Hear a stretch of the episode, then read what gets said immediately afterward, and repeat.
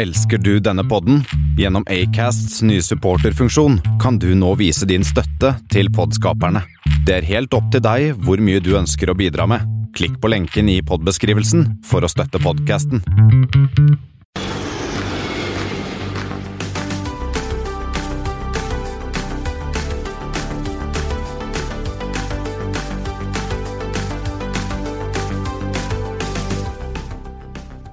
Hei, og velkommen om bord på flypoddens flight 73. Det har blitt 26. august, og vi er tilbake i Hvalstad Studios. Som vanlig hører du meg, Christian Gamhaug, og Espen Næss.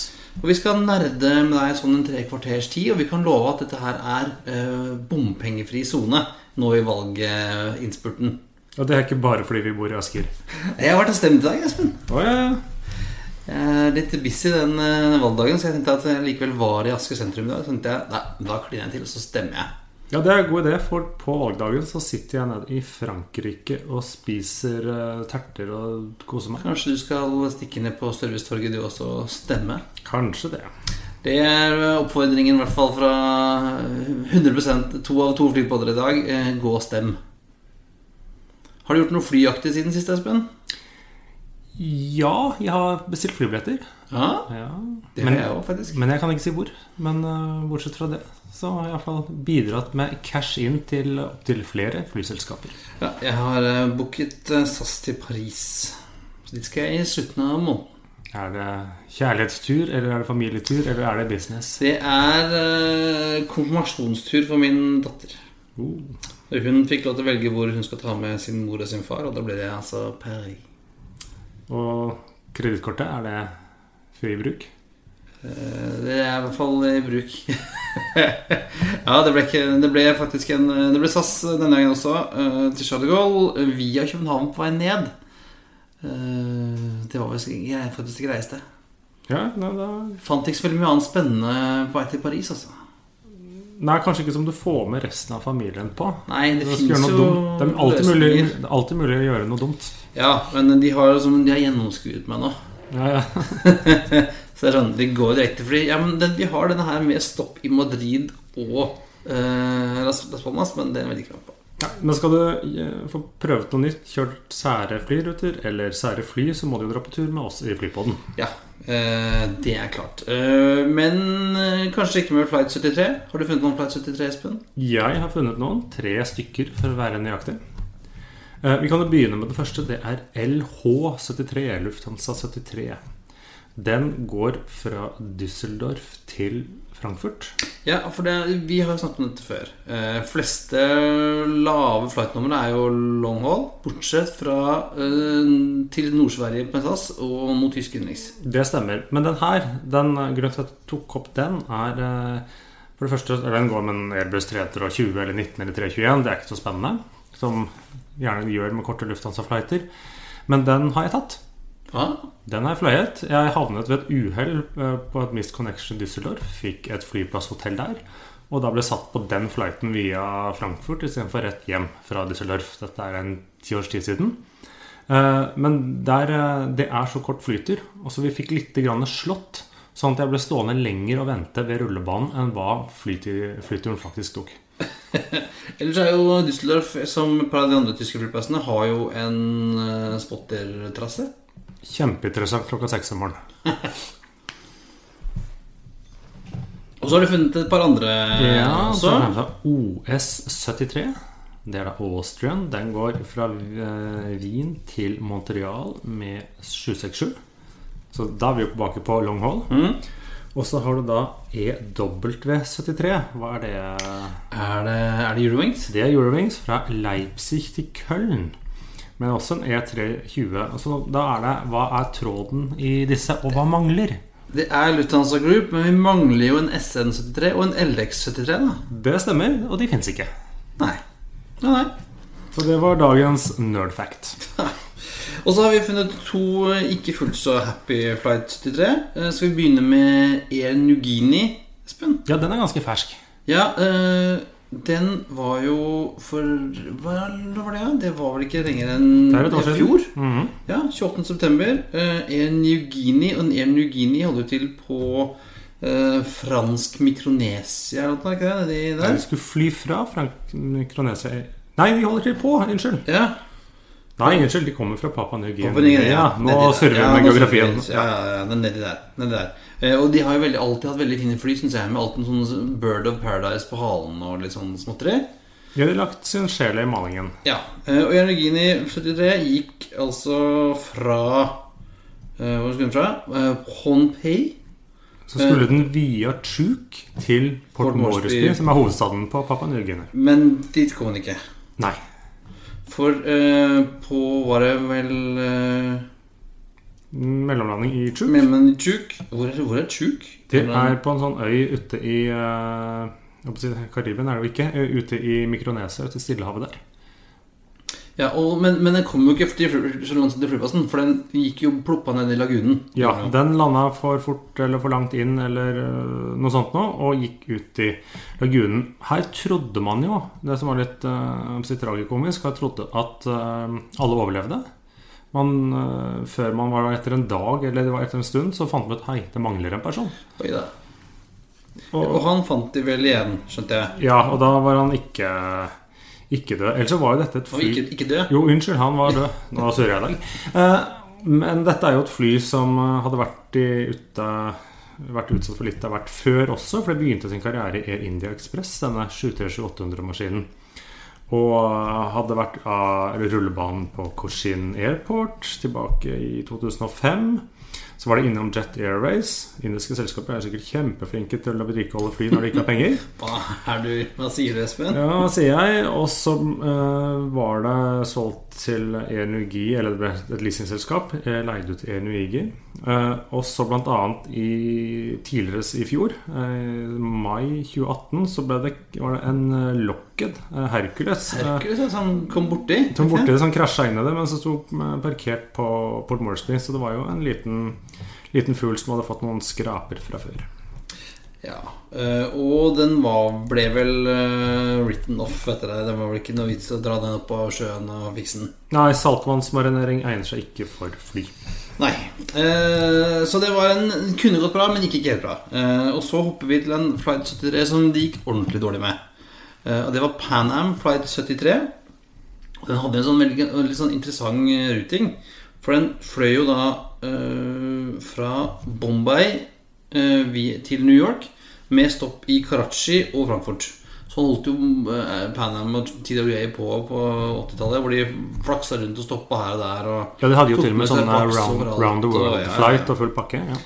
5. september eh, 1986, så det er jo straks 33 år siden. år siden ja. Eh, Skulle denne da fløy fra Bombay og skulle da mellomlande i Karachi. Eh, sl- Slapp av 100 og et eller annet passasjerer. eh, Og eh, 360 passasjerer eh, om bord i denne maskinen, og 19 crew. Eh, og idet den skulle da dra fra Karachi, så kommer det en bil. Ser ut som det er en tilhørende eh, sikkerhetsstyrkene på flyplassen, men det var det ikke. Det var en gjeng med, med palestinske terrorister fra Abu Nidal sin eh, terrorgjeng. Husker du de, Espen?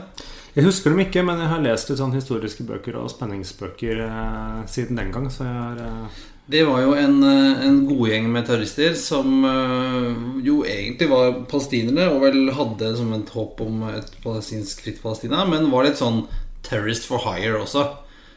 Eh, Var det jo. Ja, de hadde flere flykapringer og sånt på samvittigheten. De gjorde et og annet, og, i ettertid så har jo amerikanerne skyldt på CIA har jo gitt skylden på Libya for denne, denne kapringen, da. Eh, men tilbake til det som skjedde på flyplassen. Så uh, Idet de skulle båle, så kommer disse gutta. De har med seg kalasjnikover og, og hånd- håndgranater. Stormer flyet øh, og krever at de skal dra. Eh, Men øh, i, i hele dette denne prosessen for å, å ta kontroll over flyet, så klarer en av flyvertinnene å varsle eh, cockpit crew, slik at de, de klarer å stikke av. Ja, for de har sånne nødlukker eh, oppi der. Yes. Også døra kaster ut tauene, og så klatrer de ned. Ja, eh, og da sto da disse fire terroristene med et fly som sto helt bom stille og kom seg ikke av flekken. Det er en dårlig deal når du skal kape et fly. Eh, så der eh, De samla passasjerene og, og krevde jo å få, å få eh, en pilot, men det fikk de jo ikke. Eh, holdt på ganske lenge. eh, helt fram til kvelden på denne, denne dagen, hvor de begynte å skyte. eh, inne i eh, kabinen, og det er jo ikke noe veldig det går ikke bra. Nei. Eh, hadde vel egentlig bestemt seg for å sprenge seg selv i lufta. Fikk det ikke helt til, eh, heldigvis. Eh, så det ble med mye skyting og litt håndgranater som gjorde mindre skade enn eh, de kanskje hadde trodd, tror jeg. Ja, så klarte etter hvert noen passasjerer å flykte ut, Ja, åpne dørene og fordi- evakuere. Ja, for dette var jo en av flyvertinnene som senere har fått noen eh, heltemedalje og blitt lagd film om og greier. Hun klarte jo å fortelle, gi som et tips til passasjerene ved å, gi dem en side fra nødmanualen på hvordan de skulle åpne nødgangene. Så det klarte de jo, og de klarte å stikke ut, eh, hoppe ut der i, eh, i liksom kaoset som, som kom når de begynte å, å skyte rundt seg. Og når de var ferdig med å skyte, når de var tom for eh, ammunisjon, da kom de eh, pakistanske sikkerhetsstyrkene. Da fant de at nå skal de storme flyet. Ja, det var kanskje, kanskje på tide. Men det var 22 som omkom, var det ikke det? Etter hva jeg klarer å lese her. Eh, 22-21 eh, som omkom. Eh, disse pakistanske sikkerhetsstyrkene, disse Special Services Group, eh, klarte da å komme om bord og overmanne disse kaprerne og arrestere dem. Tok dem, tok dem ble dømt for, eh, til døden, egentlig, for eh, flykapring og drap. Eh, men ble senere av en eller annen grunn omgjort til livstidsdom. Eh, og i 2001 eller 2005, det er litt sånn Man er litt usikker på dette. Så eh, ble denne lederen for denne gjengen Han heter så mye som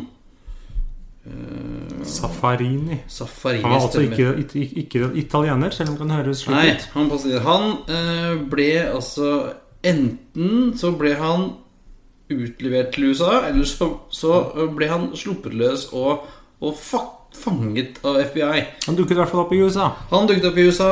I 2005 ble han, der ble han dømt igjen til 160 år for eh, flykapring og, og, og drap. Og de fire andre gutta, de er det en eh, Det er en bounty on their heads, visstnok.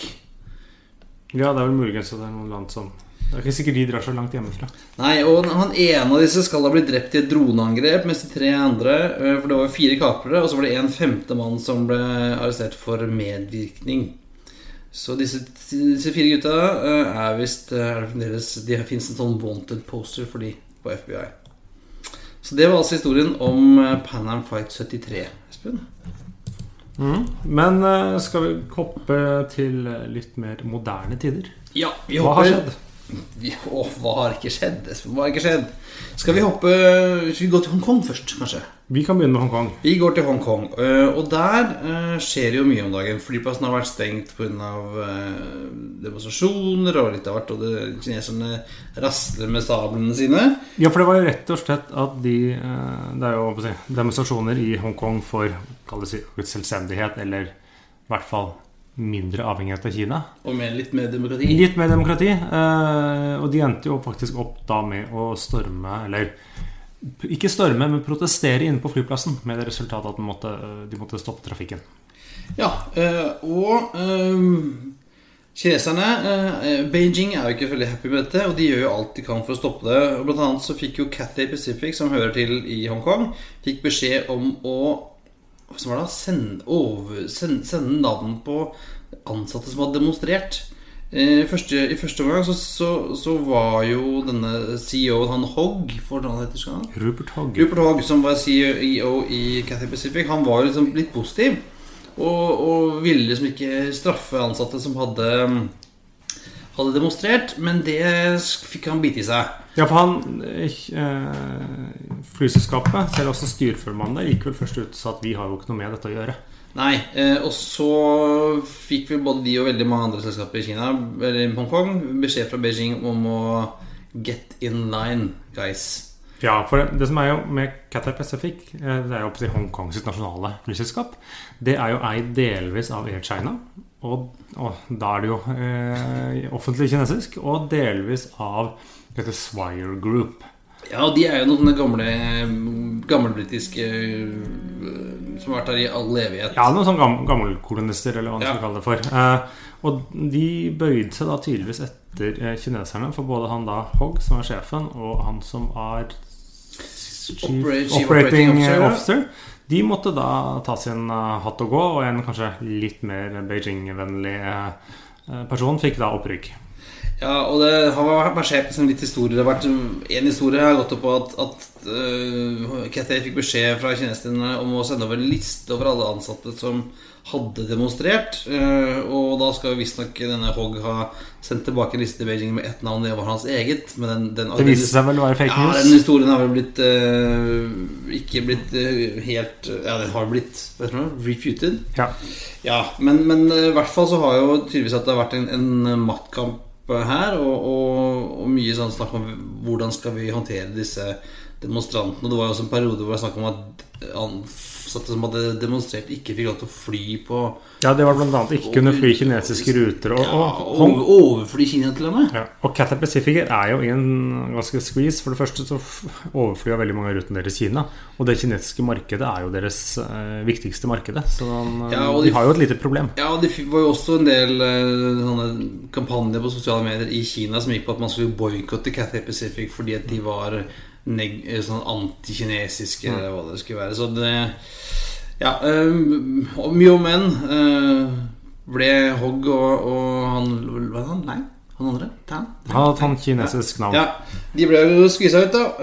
Og som veldig mange andre selskaper i Kina, i Hongkong, så har jo Cathay Pacific nå gått liksom den partylinjen og sier at vi vi står med Kina, og vi er ikke for voldelige demonstrasjoner.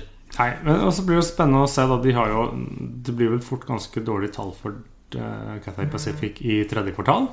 Uh, og nå melder jo flyselskapene om at de ser vesentlig lavere bookinger til Hongkong. Det er jo en viktig destinasjon, en stor flyplass, stor destinasjon. Og nå kommer da United var nå første selskap ute som da jeg husker ikke om det er nå i starten av september eller senere i høst. De kansellerer da en av sine ruter i Hongkong, den fra Chicago. Ja, eh, Og vi hører så rykter om at hotellprisen er liksom halvert. Eh, så jeg kan jo skjønne det, det er kanskje ikke akkurat tiden da til Hongkong. Nei, det er eh, kanskje litt spesiell eh, stemning. Jeg har noen Eller jeg har en bekjent som bor der, og det virker jo litt som at det er en sånn blanding av demonstrasjoner og livet går, som, går sin vante gang. Det er en sånn kombinasjon. Det kan sikkert ikke gå bra. Uh, vi hopper klatt videre. Jeg hadde ingen fin overgang her, Espen. Fra Hongkong eh, til Tuis klimanøytrale ferier. Nei, vi varsler litt eh, turbulens i sendingen. Er det? Ja, det uh, TUI, er, reiseselskapet, er jo nå ute og snakker om at de skal At de selger klimanøyt... Eller miljøvennlig sydenferie, Espen. Du skal ikke reise med dem i år, tror du det? Nei, ikke noe med det Ingen planer i år. Eller Nei. ferien min neste, neste halve året er nok uh, satt i stein. Ja, eh, og det de sier Hvis du leser litt tydeligere, så snakker de faktisk at de klimakompenserer for sine egne fly og sine egne hoteller. Så hvis du reiser med Apollo Nei, sorry, med, med Norwegian eller, eller eh, noen andre og bor på et ikke-TUI-hotell, så er det ikke så veldig klimanøytralt likevel. Nei, men det er jo akkurat like forurensende uansett. Nja Ikke det store, da, Espen. Jo, i det store bildet. Man reiser, det er, øh, man lever. Og apropos til, har man hyggelig ferie, så plutselig så ender man opp med tilskudd til familien, og det er jo forurensende mennesker òg. Ja, ja. Eh, hva tror vi om klimanøytrale ferier eh, med TUI, Espen? Tommel opp, tommel ned? Det er jo greenwashing, så får, eh, man får holde på. Ja. eh, jeg har vel tro på andre ting som vi skal snakke om senere i høst. Uh, Mere enn eh, disse klima- og miljøkompenserte reisende med TUI. Sorry. Men ja, Litt tommel ned på det. Men uh, tanken er god. Men noen som uh, ikke kanskje syns så høyt om hverandre, og som faktisk er villige til å ta opp hansken og slåss, det er Wizz Air og Ryanair. Oh, ja, dette er gøy. Det skal bli gøy. Dette, dette, har du fulgt med på, Espen. For at jeg har litt sånn Ser for meg den, den klassiske giffen med Michael Jackson-popkornet. Ja. Hva, hva, er det som skjer nå? For da, vi, vi har snakket om Wizz Air mye. Wizz Air er jo da Europas nest største? Eller tredje største? Tredje største gikk forbi Norwegian nå i størrelse for ikke så lenge siden. Ja. Og Ryanair er det klart største lavprisselskapet i Europa. Og Ja. de to har jo på en måte lenge levd litt sånn hver for seg. Ryanair i Vest-Europa, Wizz Air i Øst-Europa. Men nå har vi sånn Ja, world scoring. de har tidligere konkurrert i Polen. Eh, både på Polen, Du ser det på flere av rutene fra Polen til Norge. Jeg lurer på også noe fra Baltikum til Norge. Eh, og Wizz Air har jo litt som eneste selskapet ikke vært redd for å bare gå inn i konkurranse med Ryanair. Eh, rett mot, og de, de har jo litt sitt på tørre, for ser man på disse analysene over hva skal si, selskapets kostnader, så er Wizz Air den som klarer å matche setekostnaden til Ryanair. Og de har også en Er det, er det fordi at de har så mye billig østeuropeisk arbeidskraft? Det har jo Ryanair òg. Jo. Eh, det er noe, men de drives, jeg tror de drives, driver effektivt. Lite sånne hva skal jeg si, gamle legacy-kost. Så de har jo vært litt, litt sånn lignende. Uh, flinke til å drive med ancillary revenues. Uh, lite som er inkludert. Man ser jo det Og så har de jo nye nyere. De har jo en del Be, Begge selskapene har jo relativt Jo, men uh. Maxen, Maxen Ryanair står jo på bakken. De står på bakken, ja. Mens uh, den, de neone, 321 neone til De Wizz med 236 seter. Det blir jo en enorm lav eh, sete, setekost. Men det som skjedde da først, var det eh, at eh, i Wizz Air eh, jeg husker ikke helt rekkefølgen, men det skjedde, det skjedde så, samtidig og så fort at Wizz Air eh, annonserte ruter til South End. London Southend. Det er den sjette britiske, nei, londonske flyplassen. Så når, når du liksom eh, ikke kan fly til Heathrow eller Gatwick eller Stansted eller en gang Luton, da hender du 100 på Da havner du på Southend. De har nok sin eget sånn lokale catchment area. Wizz Air er nå største selskap på Luton. Eh, Men det som skjedde var at de annonserte tre ruter dit. Eh, Ikke en base der, men det er ruter fra eksisterende base. Jeg tror det var Vilnius, det var eh, Bucuresti og et sted til i Romania, som jeg ikke husker navnet på. Eh, og så gikk det et par timer, så han annonserer da Ryan, Ryanair, som fra før har flydd på Southend, eh, ruter til bl.a. Bucuresti og Vilnius på nøyaktig samme dager som da Wizz har lansert sine. Oh, it's gonna be tough. Og så ser vi det samme da i eh, Ryanair med Brask og Bram lanserer sine første ruter til Kaukasus. Da først og fremst Georgia. Vi snakker også om Kutaisi? ja, det Hvor i er all verden er Kutaisi. Det ligger i Georgia. Det er vel den si, nummer to-flyplassen der. Eh, Litt sånn lavprisselskap. Der har Wizz Air begynt å bygge seg opp en ganske solid eh, operasjon. Eh, Flyr til flere land. Jeg lurer på noen destinasjoner ikke så langt unna herfra heller. Men da det, som skjer, da, er jo at så annonserer Ryanair ruter dit til Kutaisi fra Nå husker jeg ikke helt Jeg lurer på om det annet var Köln Var det Marseille? Eh, Eller noe sånt, da. Og så går det to timer. Og så annonserer det da Wizz blant annet rute fra Kutaisi til Köln. På nøyaktig samme dager som de der to eller tre daglige som Ryanair annonserte. Så her er det sånn Nei, her, de kommer jo til å blø penger på de rutene, men det er, det er jo litt morsomt å se er at her tør de virkelig å ta opp kampen med hverandre. For det har jo vært litt sånne ting at når Ryanair kanskje har kommet inn på en rute, så har kanskje en annen måte gi seg. Mens eh, jeg, liker, jeg liker hele holdningen til Wizz De har ingen respekt. Nei. Ingenting. Eh, Det er, det er kjempe, kjempegøy. Um, gøy at, at noen virkelig tar opp hansken og gir uh, Michael O'Leary på nesa. Det, forhåpentligvis. Jeg får slåss litt. Så får vi se hvordan det går. da Uh, Det er vel neppe plass til to aktører på Kutaisi til Köln. Nei, det, det vil jo vise seg. Eh, Ryanair har også sagt om de skal jeg har sagt, De har snakket med noen i Armenia, de vurderer rute dit. De startet også da til Tbilisi, eh, mens eh, hovedstaden i Georgia. Eh, og jeg har mistenker, mistanke om at det er en del liksom, lokale subsidier inni her. For De er ikke medlem av EU, så de kan bare subsidiere flyplasser og flyselskaper så mye de vil. Så jeg tror det er noen sånne ja, Det er muligens litt sånn ruteoppstartsfond der som er eh, kanskje gunstigere enn hva man ser her hjemme. Ja. Ja, ja, eh, da venter vi bare på en Oslo-rute til Kutaisi. Eh, Visstnok eh, en by på Unescos verdensarvliste. Tredje største byen i Georgia. Ja, nå tror jeg ikke noen av de kan fly til eh, Oslo. Fordi at jeg tipper at det er en eller annen luftfartsavtale mellom Georgia, hvis vi i hele tatt har en. Men har vi ikke noe har vi ikke, men Wizz Air gjør jo eh, transfer. Ja, de transfer, ja, men nå snakker vi om direkte. Ja, ja, ja, så Man ser det samme til Ja. bl.a. Ukraina. Er at uh, verken Wizz eller Ryanair har lov til å fly mellom Ukraina og Norge. Fordi at Norge er ikke medlem av EU, så nytter det ikke å snylte på en sånn EU-avtale der. Nei, men nei, da får vi øh, si kanskje den andre kan komme hit. da. Men nå skal vi snakke om noen som taper penger på long haul. Og vi skal ikke snakke om Norwegian.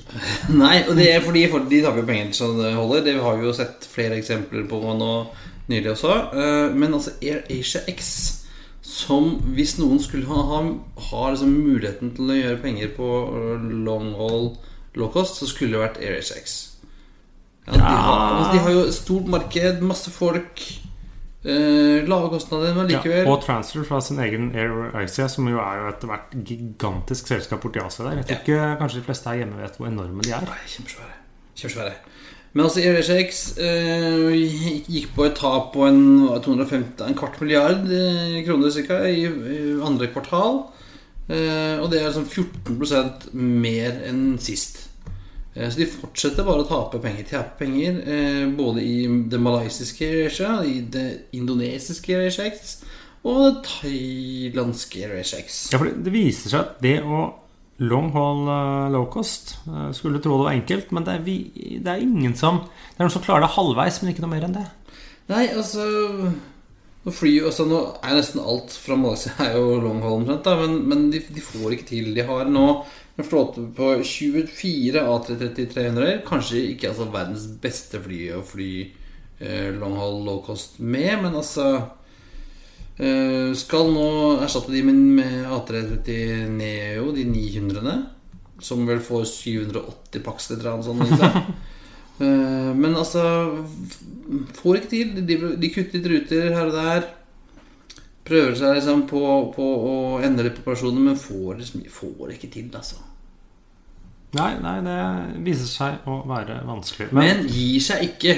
Tony Fernandez gir seg ikke på tørre møkka. Dette skal han fortsette med. Ja, men han, han har jo også litt muskler gjennom si, resten av AirAsia. Ved at han da klarer å hva skal jeg si, bidra til at de uh, tjener nok penger der. Så det er jo en del av en, av en litt uh, større gruppe. Så det, men det blir spennende å se om de noen gang får det til. De har også sagt at skikkelig longhoff var ikke det som funket best. Det var litt sånn å fly disse sekstimersrutene innen Asia. Ja, og det forsyner forsvinner både Auckland, Katmandu og Teheran fra, fra lista deres. Og, de, og Europa har de jo vel ikke Nei, de prøvde seg med prøvde seg med- 340 ja. til eh, London Gatwick eller noe sånt nå de fikk ikke Altså når de ikke klarte å få til uh, Kuala Lumpur, London Gatwick heller, så tenker jeg at Ja, men det er jo den med Få Ja, nok betalt for pengene. Og mye et uh, rimelig nok fly. Men en som uh, får til noe, er jo mm, vår venn i poden Martin Langås. Ja, han Mr. Mr. Mr. Fish, Mr. Laks. Mr. Laks har fått til et uh, nytt uh, fraktselskap til Oslo. Det er da Suparna Airlines. Suparna Airlines. Og det er liksom Hva i all verden er det? Jo, det er jo en del av disse Hainan Group, eller HNA-gruppen. Yeah. Eh, som da skal fly til, fra Oslo til Nanjing eh, to ganger i uken med en 747 Eh, og disse tar jo egentlig over eh, noen som fløy i våres, et selskap som het ACG. eh, som fløy ja, den de, ruten. fikk, de hadde litt tech og liksom Det var ikke helt Slik, slik jeg forstår det, så var det ikke problem å få fylt flyet, men det var et noe større problem å få få fly til fly. Ja. Uh, og det er jo Laks er ferskvare. Uh, eller fisk. Fisk er ferskvare. Men når den- sendes der, så er jo fordel å ha en viss regularitet i ruten sin der. Så de starter nå Er det i starten av september eller en gang? ja. Og, og dette er disse gamle grønne er det ikke det? Mm, nei, det tror jeg ikke. Jeg mener jeg har sett noen bilder av det. Så de malt i sånne eh, I fargepaletten til Hainan. Hainan, ja. Eh. Rød og gule. Ja. Eh, Og de kom snart? Jo. Start av september. Jeg husker ikke helt oppstart, oppstartsdato, men jeg tror det er til neste uke. Mer skyfjellssky på Gardermoen, det liker vi. Eh, Men noen som vel skal droppe skyfjellssky etter hvert, men skal ha noen fly som flyr langt, er jo Qantas. Vi har snakket om Qantas og Project Sunrise et par ganger før. Ja, vi, vi har så vidt vært innom på det, men vi har egentlig ikke snakket Hva er det egentlig? Du trodde det bare var at de skulle fly eh, eh, langdistanseruter? De, skal, de, har jo et bra, de vil jo fly London nonstop mellom, eh, mellom Australia og Europa, og mellom Australia og Nord-Amerika. Ja, og da Sydney. De, Sydney. man klarer jo nå Perth-London Ja. med 787. Det Ja. har jo de vist seg. Men Sydney London og Sydney New York er vel de som de aller er vel mest keen på å få til. Ja.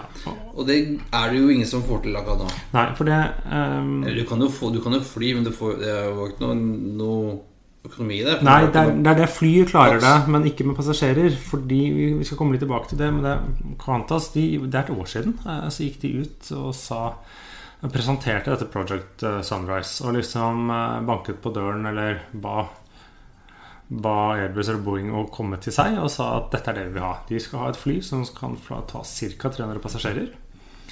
Og det skal kunne, da kunne fly da fra Sydney til London nonstop og Sydney til New York. Eh, og det fantes jo ikke den kombinasjonen i dag. Da, da snakker vi om flytid på overkant av 20 timer. Det.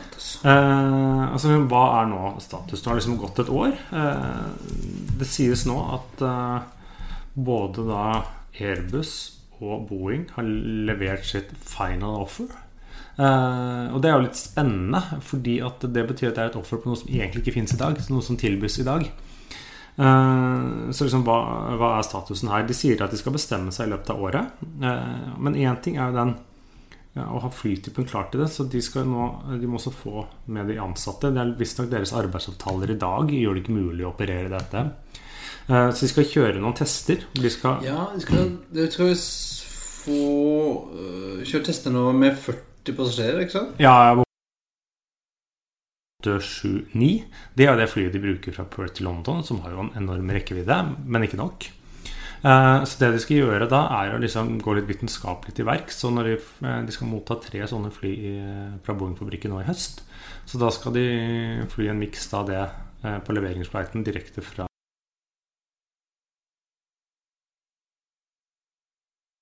Dette, er et, et, et forskningsprosjekt med University of Sydney og litt av forskjellig. Ja, og det er vel sikkert en dose PR i også, det det er som er, PR, er i den bransjen.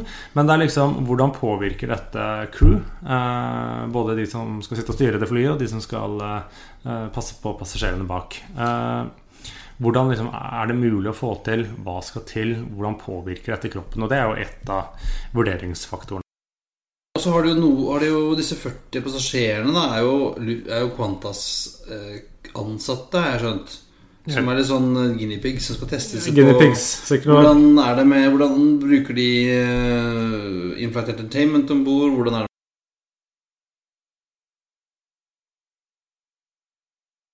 med for å liksom overvåke er sikkert blodtrykk og alt mulig. Det er masse, og- masse sånne målinger de skal gjøre. Men så, men så for å gå litt sånn til flynerdingen på det, altså hva er det som kan ta den ruten? Eh, man skulle jo tro hva med 787, men den, for den bruker de gjennom Perth til London nå. Den har jo ikke Jeg husker ikke hvor mange passasjerer de har. Er det rundt 200 eller noe sånt nå?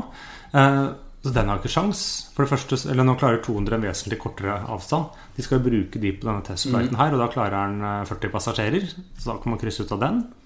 Det samme gjelder jo med den eh, A350-900 ULR, ULR, den ultra long haul som Singapore Airlines bruker fra Singapore til eh, New York. Den tar jo da er det 167 passasjerer.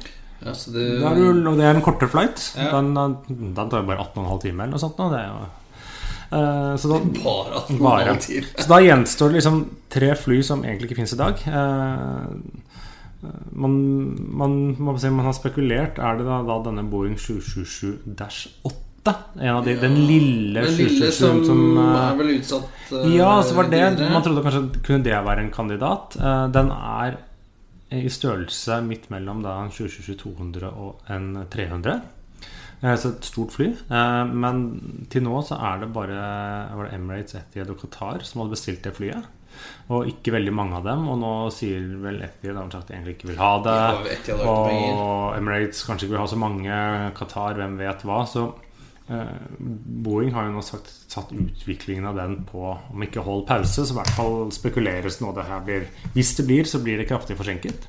Eh, og rekker ikke det eh, Qantas har sagt at de ønsker dette flyet i 2022-2023. Ja. Så da kan vi stryke ut av den. Og så har du da den større 9-varianten. Hva kan du gjøre med, med det flyet? Vi kan komme litt tilbake til den, hvordan det går med utviklingen der eh, nå veldig snart. Eh, For den, for den skulle jo fløyet nå, men den flyr ikke før neste år. Nei. øh, vi, kan, vi kan snakke litt om den når vi er ferdig med Qantas her.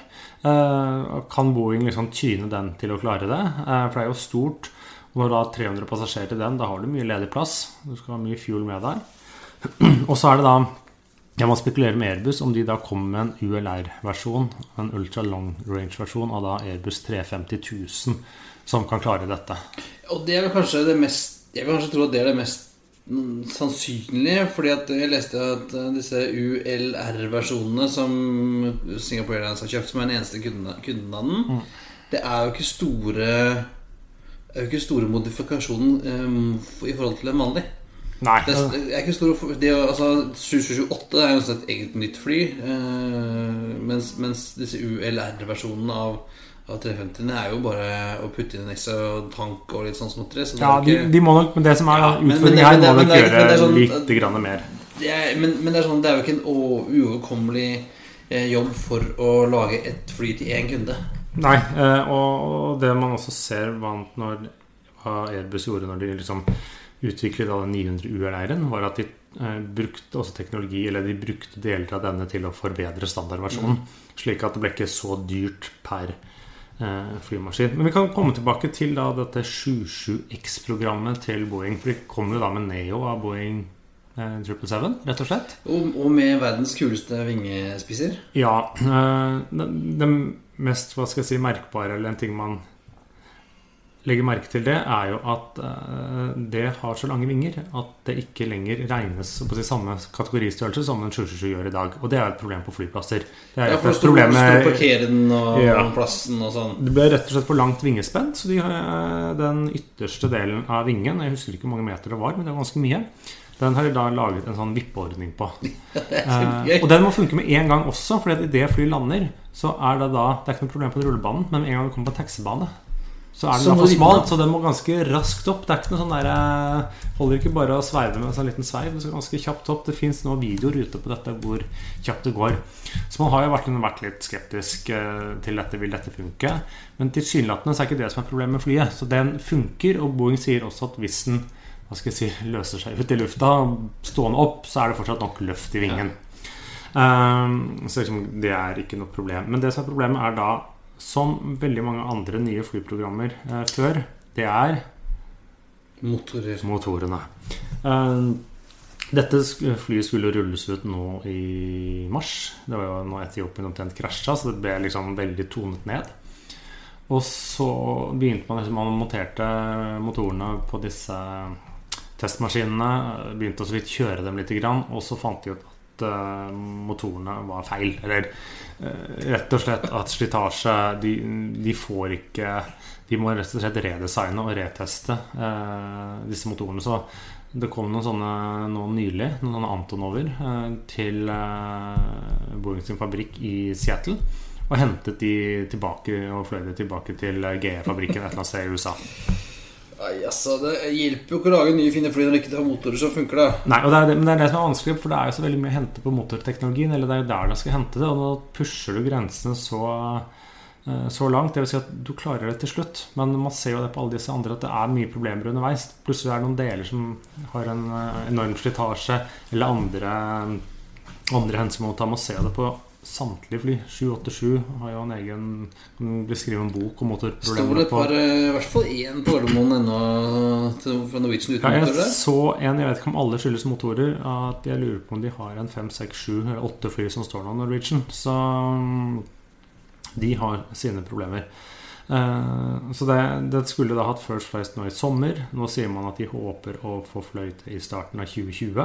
Men fremdeles leveranse i 2022. Nei, ja, nei, Boeing, nei planen var jo en leveranse i midten av 2020. Og Boeing påstår fortsatt at de har håp om slutten av 2020, men den er det til slutt bare Boeing som tror på. Så det er et sånt eh, et års forsinkelse fort på den også. Og den er jo ikke akkurat det er et en eh, imponerende fly. Eh, På sikt kommer det sikkert til å bli bra, men som mange andre de store flyene så sliter den jo litt med ordreboken. Det er ikke den mest eller Lufthansa skal ha noen Cathay, Singapore Airlines eh, og selvsagt Emirates, da, den store kunden. Men de har ikke hatt den salgssuksessen som man så bl.a. 777-300 ER eh, var. Nei. Eh, side note, vet du hva sjefen for Boeing Commercial Airplanes heter? heter? Han som er sjef for Nei. Mjulenberg er det han som er sjefen Ja. for hele Ja. sjappa. Nei, Men dette er veldig morsomt. Han heter Kevin McAllister. uh, Og ja. for de som ikke har sett eh, Home Alone, så er det altså Kevin er jo han gutten som er hjemme alene. Han heter Kevin McAllister. Tenker jeg Hver gang jeg leser et intervju med han Kevin McAllister, så må jeg liksom le litt og tenke på hjemme alene-festen hans. Yes, eh, fra et fly som ikke går som det skal, et, til et annet fly som faktisk Som har som, som vi lenge har litt lurt på om kommer til å selge, men nå selger litt. grann. Eh, A330-800 Neo. ja, det vil si litt Eller- Jeg tror vi skal stryke to streker under lite grann. Eh, de har jo en ordre, jeg husker ikke om det er 12-14 maskiner. Det er noen sånne Uganda Airlines som har bestilt to, og Kuwait Airlines som har bestilt fire. Dette er den lille versjonen av da 330 Neo. Eh, selve maskinen eh, driver jo nå og testes og blir sertifisert i løpet av året. Eh, Men han har jo liksom nesten ikke solgt noe. Spekulert om denne kommer til å forsvinne. Men nå har da Garuda, det dette indonesiske største flyselskapet, eh, kommet med en ikke en ordre, men en letter of intent på fire maskiner. Og de har jo bestilling på en 14 A330 900 fra før, så sånn sett gir det jo mening. Ja, Og så har de jo kansellert alle bestillingene sine på um, 77 Max, skjønte jeg. Ikke formelt, Ja, så man skal, vet jo aldri helt. Men så har Indonesia og europeiske myndigheter også begynt å krangle litt eh, om noe palmeolje og litt sånne ting. Så Ja. man, eh, men så er det litt sånn Er den letter of intenten verdt papiret den er skrevet på? Det vil vise seg, men hvis det viser seg Jeg syns det er alltid kult når disse litt sære og småselgerflyene får noen ordre. Kanskje vi skal ta en liten kikk på 330-800 i løpet av høsten og se liksom mer konkret på hvem, hvem har kjøpt de, og hva skal du bruke dem til, og, og hva, er, hva er greia med den. Ja, og det tror jeg er ganske fort gjort. Afrikani. Og nå skal vi til et segment som vi har eh, lenge siden vi har hatt, Espen. Ja, men nå kommer det inn dobbelt, til og med. Dobbelt fra med Afrikanyheter. Åh. Vi begynner med Air Tanzania. Ja, de eh, myndighetene prøver jo å bygge opp det til å bli et jeg skal ikke si et stort flyselskap, et lite. Så jeg har fått en 787-maskin, og de har bl.a. fått inn to av 220 300-maskiner. De skal også få inn to til. Og så var de og fløy med en av de på sin vanlige rute til Johannesburg. Ja, og, og der ble den tatt i arrest. Eh, og, og der sitter han. Der står den. Der står den inntil videre. Eh, Mine gamle venner i inkassobransjen har vært ute. For visstnok så skal Air Tanzania skylde South African Airways Nei, det var ikke det. Var det ikke det? Fire Nei, millioner dollar? Var det ikke det? Dette har egentlig ikke noe eh, Air Tanzania er sånn uskyldig gissel her, fordi at eh, den er den tanzaniske staten skylder staten Sør-Afrika penger. Sånn. Som den ikke har betalt. Men så er disse flyene eiet Ja. av staten Tanzania, eller flyselskapet er det også. Eh, Så da bare tok myndighetene der nede flyet i arrest og sa dere får tilbake flyet når dere har betalt. Og i og med at eh, flyet har vært mer, vært mer enn kravet, så blir nok den betalt eh, i løpet av en liten stund, regner jeg med. Ja, eh, Air Tanzania sier jo på Twitter at, eh, at uh, flightene er blitt kansellert pga. unforeseeable circumstances. Ja, det, det er vel litt sånn, eh, sånn det heter. Forresten har Air Tanzania litt sånn kult, kule farger. De, har den der, de er blå med den der sjiraffen på halen. Veldig Så de er jo utrolig kule. Eh, og det var jo snakk om at disse A3 A220-ene hadde såpass god rekkevidde at de kunne erstatte denne 787-en bl.a. flighter til Ing- At Air Tanzania skulle kunne komme tilbake igjen på London med Dreamlinerne. Det hadde vært bra for Tanzanias eh, turistindustri å kunne fly direkte til London med lokalselskap. Folk så skal han ned til uh, Sånn Goro Goro og sånn, vet du. Ja. Men nå skal vi litt sånn litt kule farger, syns jeg. Uganda Airlines, det er disse som har bestilt eh, Eller kanskje muligens har bestilt eh, A330-800. Det er det, samt noen CRJ 900 som de nå har eh, startet opp med. Eh, Forresten, disse 330 tenker jo da bl.a. starte en rute til eh, London. Det er sånn staten som står bak. Det er en stund siden de hadde sitt eget flyselskap. De har vel hatt opptil flere som har gått konkurs. Så de prøver igjen nå. De starter opp igjen 27. august, og det er i morgen med sine første ruter. Eh, Stort sett regionale ruter med disse seriåtene. Eh, Så ønsker ønsker dem lykke til. Eh, eh, Litt sånn kul, kul farge på halen i de ugandiske flaggene. Så får vi se hvordan det går. Og så er det en, en dyr på det nå. Er det en struts? Nei, det er vel ikke struts. Hvilken farge er det er det i de ugandiske flagget? Det er en sånn fugl. Eh, Det ser ut som det er en fransk fugl, men det er det neppe. En fransk fugl, faktisk. Nei, det der er Høhane eller noe. Ja, noe sånt noe. Ja. Uh, fine. Vi håper at det går bra med Uganda Airlines. Mens, eh, mens vi da ønsker Uganda Airlines uh, lykke til uh, utover høsten og sånn, hva med oss selv da, Christian? Jo, vi Nå er det bare oss to, Espen. Vi måtte jo si farvel til Thomas. Så, så vi kan hende at du som hører på oss, eh, blir litt lei av å høre bare oss. Jeg kan ikke tenke meg det, men Så vi må prate med andre. ja, vi må prate med andre. Vi må prate med andre. Eh, og vi har eh, noen ting planlagt for høsten allerede. Vi skal bl.a. Eh, besøke min gamle kollega Snorre Andresen. Vi jobbet sammen med Han var i SAS Bråtens, og jeg var i SAS Bråtens. Derav T-skjorten i dag, Espen. Eh, Snorre eh, er nå sjef for tårntjenester i Avinor flysikring, så han skal vi dra og snakke litt med senere i september. Eh, og få høre litt om hva Avinor eh, driver med på tårn, og disse fjernstyrte tårnene, og konkurranseutsetting og masse, masse gøy. Eh, og så har vi også fått en avtale med Henrik Hanevold. Han er eh, en friend of the pod og Singapore Airlines sin, sin mann i Norge. Eh, han, han skal vi prate litt med og se om vi ikke kan ta en tur innom den nye A350-en til Singapore Airlines, som de bruker på Stockholm og skal snart bruke på København også. Og vi håper også å få snakke med flere andre. Vi har litt i the pipeline som vi håper at blir noe av utover. Så vi Og eh, for du som lytter, hvis du har noen spørsmål til Henrik eller Snorre eller til oss, så sender du selvfølgelig de til hallo at flypodden.no. Så skal vi se om vi ikke kan ta med de eh, når vi går og snakker med andre. Men det var alt for denne gang. Det er på tide å feste sikkerhetsbeltene, rette opp setet og sikre fri sikt ut av vinduet ettersom flight 73 går inn for landing. Som vanlig finner du linker til det vi har snakket om i dag på flypodden.no. Du finner oss også på Facebook, Twitter at flypodden og Instagram at flypodden. Har du et spørsmål, vil du invitere oss på flytur eller sponse oss eller et eller annet, send oss en mail på hallo at flypodden.no. Ha det bra. Ha det! We thank you for flying with us today.